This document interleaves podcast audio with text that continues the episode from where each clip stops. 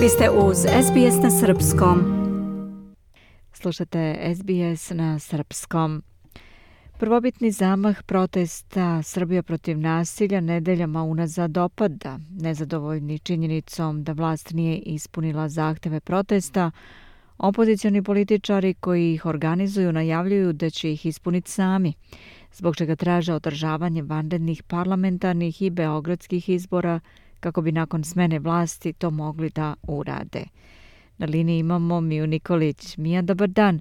Predsednik Vučić je najavio raspisivanje izbora, je li tako? Recite nam, šta se dešava? Budi li se politička scena posle letnjih odmora? Nakon združenog zahteva za vanredne parlamentarne i beogradske izbore, opozicija je početkom septembra blokirala rad Skupštine. Sednica je ubrzo usled opšte haosa s brda s dola završena uz kršenje procedure veće nego inače.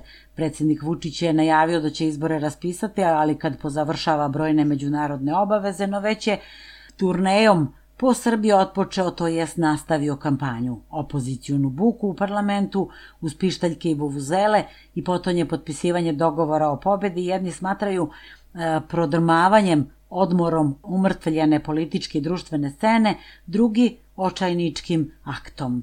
Trećima – Sve ovo liči na vruću političku jesen koja se najavljuje godinama, a koja se, kako očekuju, jednom možda i desi.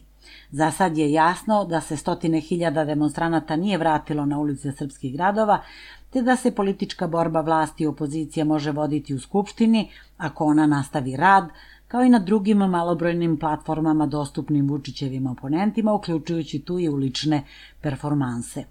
Vruću političku jesen prema pisanju vremena neki priželjkuju i u obliku van institucionalne smene vlasti, ali to će kanda teško da ide.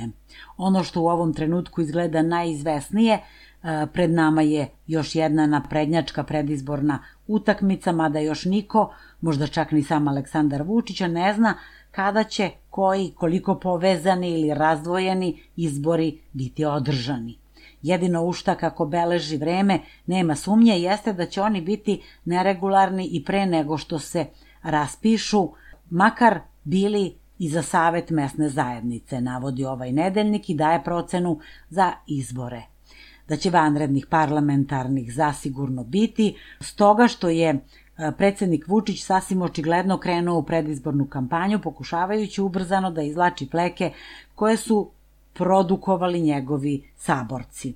No, kad su u pitanju Beogradski, tu je nešto komplikovanija situacija koja će moguće tražiti dodatnu observaciju predsednikovog specijalnog tima za izbore, procene, istraživanja i slično. Mija, kada je redovni rok za pokrajinske i lokalne izbore i mogu li se parlamentarni ubrzati? Vreme podsjeća da je redovni rok za pokrajinske i lokalne izbore na proleće sledeće godine, ali da je ove druge moguće ubrzati jer bi sve lokalne vlasti na navodnu molbu predsednika, što se već dešavalo, očas posla podnele ostavku.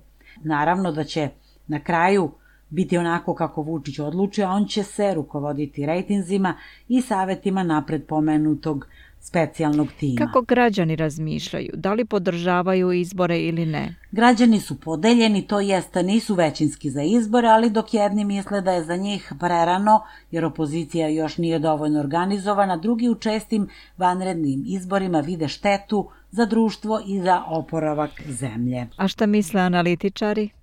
Profesor Fakulteta političkih nauka Miloš Bešić eh, ocenjuje da su što češći izbori potrebni Srbiji jer oni slabe vladajuću SNS. Kaže da su u rukama vlasti mači pogača i da o održavanju izbora možemo samo da nagađamo. Raspisaće ih kada njima najviše odgovara, a opoziciji najmanje. Opozicija mora biti spremna za izbore, u svakom trenutku ne može da utiče na njih, ali može da se priprema za izbore. Ona je trebalo da traži izbor onog trenutka kada su protesti krenuli i kada je stotine hiljada ljudi izašlo na ulice. Sada kada su utihnuli, oni traže izbore, navodi profesor Bešić, uz ocenu da je to zakašnjenje. On ističe da nama treba što više izbora, što češće, to bolje. Kriterijum normalnosti u pravom demokratskom društvu podrazumeva da nemate političke tenzije, a redovno održavanje izbora na četiri godine podrazumevalo bi konsolidovanu demokratiju, gde institucije normalno funkcionišu, gde mediji normalno funkcionišu, gde imate nezavisne institucije koje normalno obavljaju svoje funkcije, gde imate sve mehanizme građanske kontrole vlasti, u toj situaciji e, nema nikakvih razloga da se izbori ne održavaju redovno na četiri godine, a što kod nas nije slučaj. A kada nije tako, kada imate tragedije kakve smo mi imali u maju i kada imate niz drugih institucionalnih i političkih abnormalnosti, to zapravo govori o krizi legitimiteta društvenog i političkog sistema. Građani već dugo ne veruju institucijama, političkim partijama, pogotovo ne veruju liderima partija i za ogromno akumulirano nezadovoljstvo, čak i među glasačima vladajuće stranke, Nemate rešenja osim da ga tražite na izborima, kaže profesor Bešić. Ukazuje da imamo model ekonomskog ne razvoja, već selektivnog udovoljavanja određenim slojevima zarada dobijanja glasova, a kada imate sistem vladavine dominantne partije koja tako rukovodi državom, što češći izbori su to bolji. Dominantna partija na svakim izborima maksimalno crpi svoje kapacitete, ako da njenih protivnika se povećava intenzitet, energija i motivacija, nezavisno od okolnosti. On podsjeća da ako se izuzme 2012. kada je Srpska napredna stranka pobedila, naprednjaci su na svakim sledećim izborima pravili sve lošije rezultate i ocenjuje da sve i da ih sada dobije i ovi predstojeći izbori će sigurno dodatno oslabiti Srpsku naprednu stranku, to bi dovelo i do preraspodele snaga u parlamentu, što bi kasnije svakako dovelo do promena. Izvršni direktor CESID-a, Bojan Klačar, pak sumnja u logiku što češći izbori to bolje za opoziciju, jer slabi vlast, zato što je Srpska napredna stranka i dalje favorit, a bez indicija da, ako se nešto ne promeni u narednih godinu dve, da je opozicija smeni do 2027. 28. godine.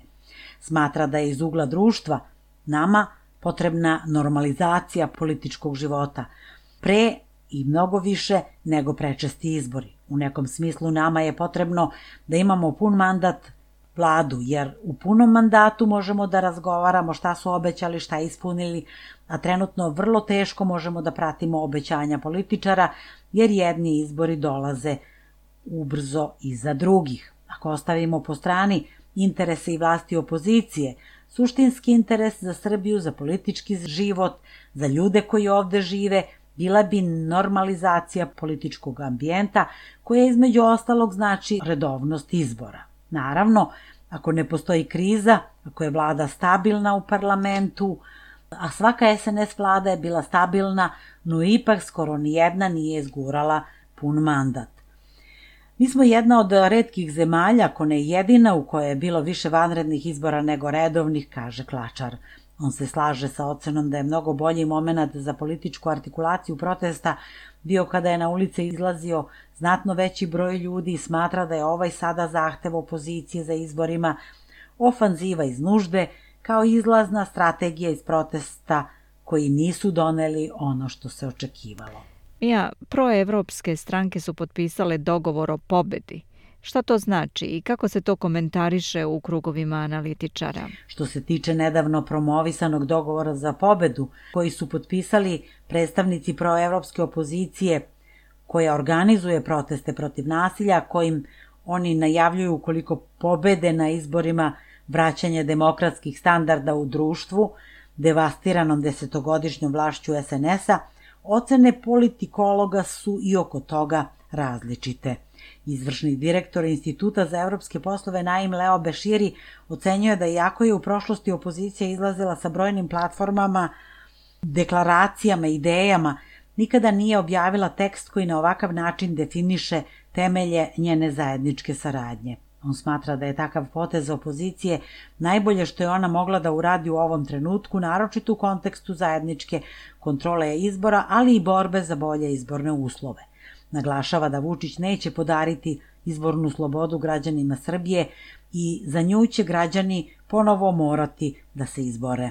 Treba sprečiti sve one nepravilnosti na koje je OEPS, odnosno ODIR, u nekoliko izbornih ciklusa ukazivao. Mora se zaustaviti kupovina glasova zloupotreba državnih resursa, korišćenje policije za zastrašivanje ljudi, kaže Beširi.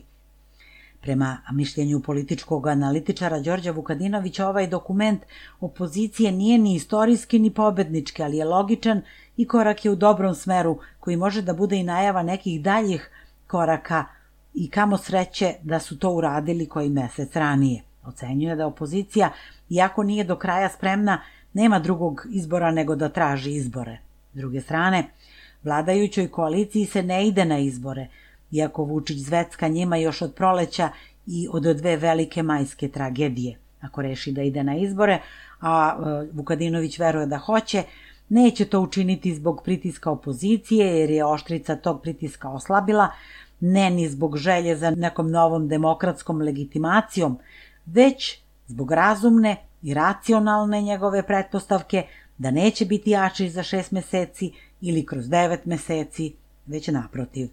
Tako da je to pomalo paradoksalno.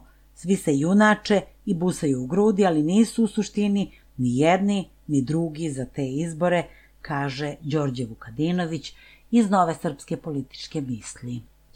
Biljana. Toliko za danas. Hvala Mija. Bila je to naša saradnica iz Srbije, Mija Nikolić. Ostanite sa nama. Želite da čujete još priča poput ove? Slušajte nas na Apple Podcast, Google Podcast, Spotify ili odakle god slušate podcast.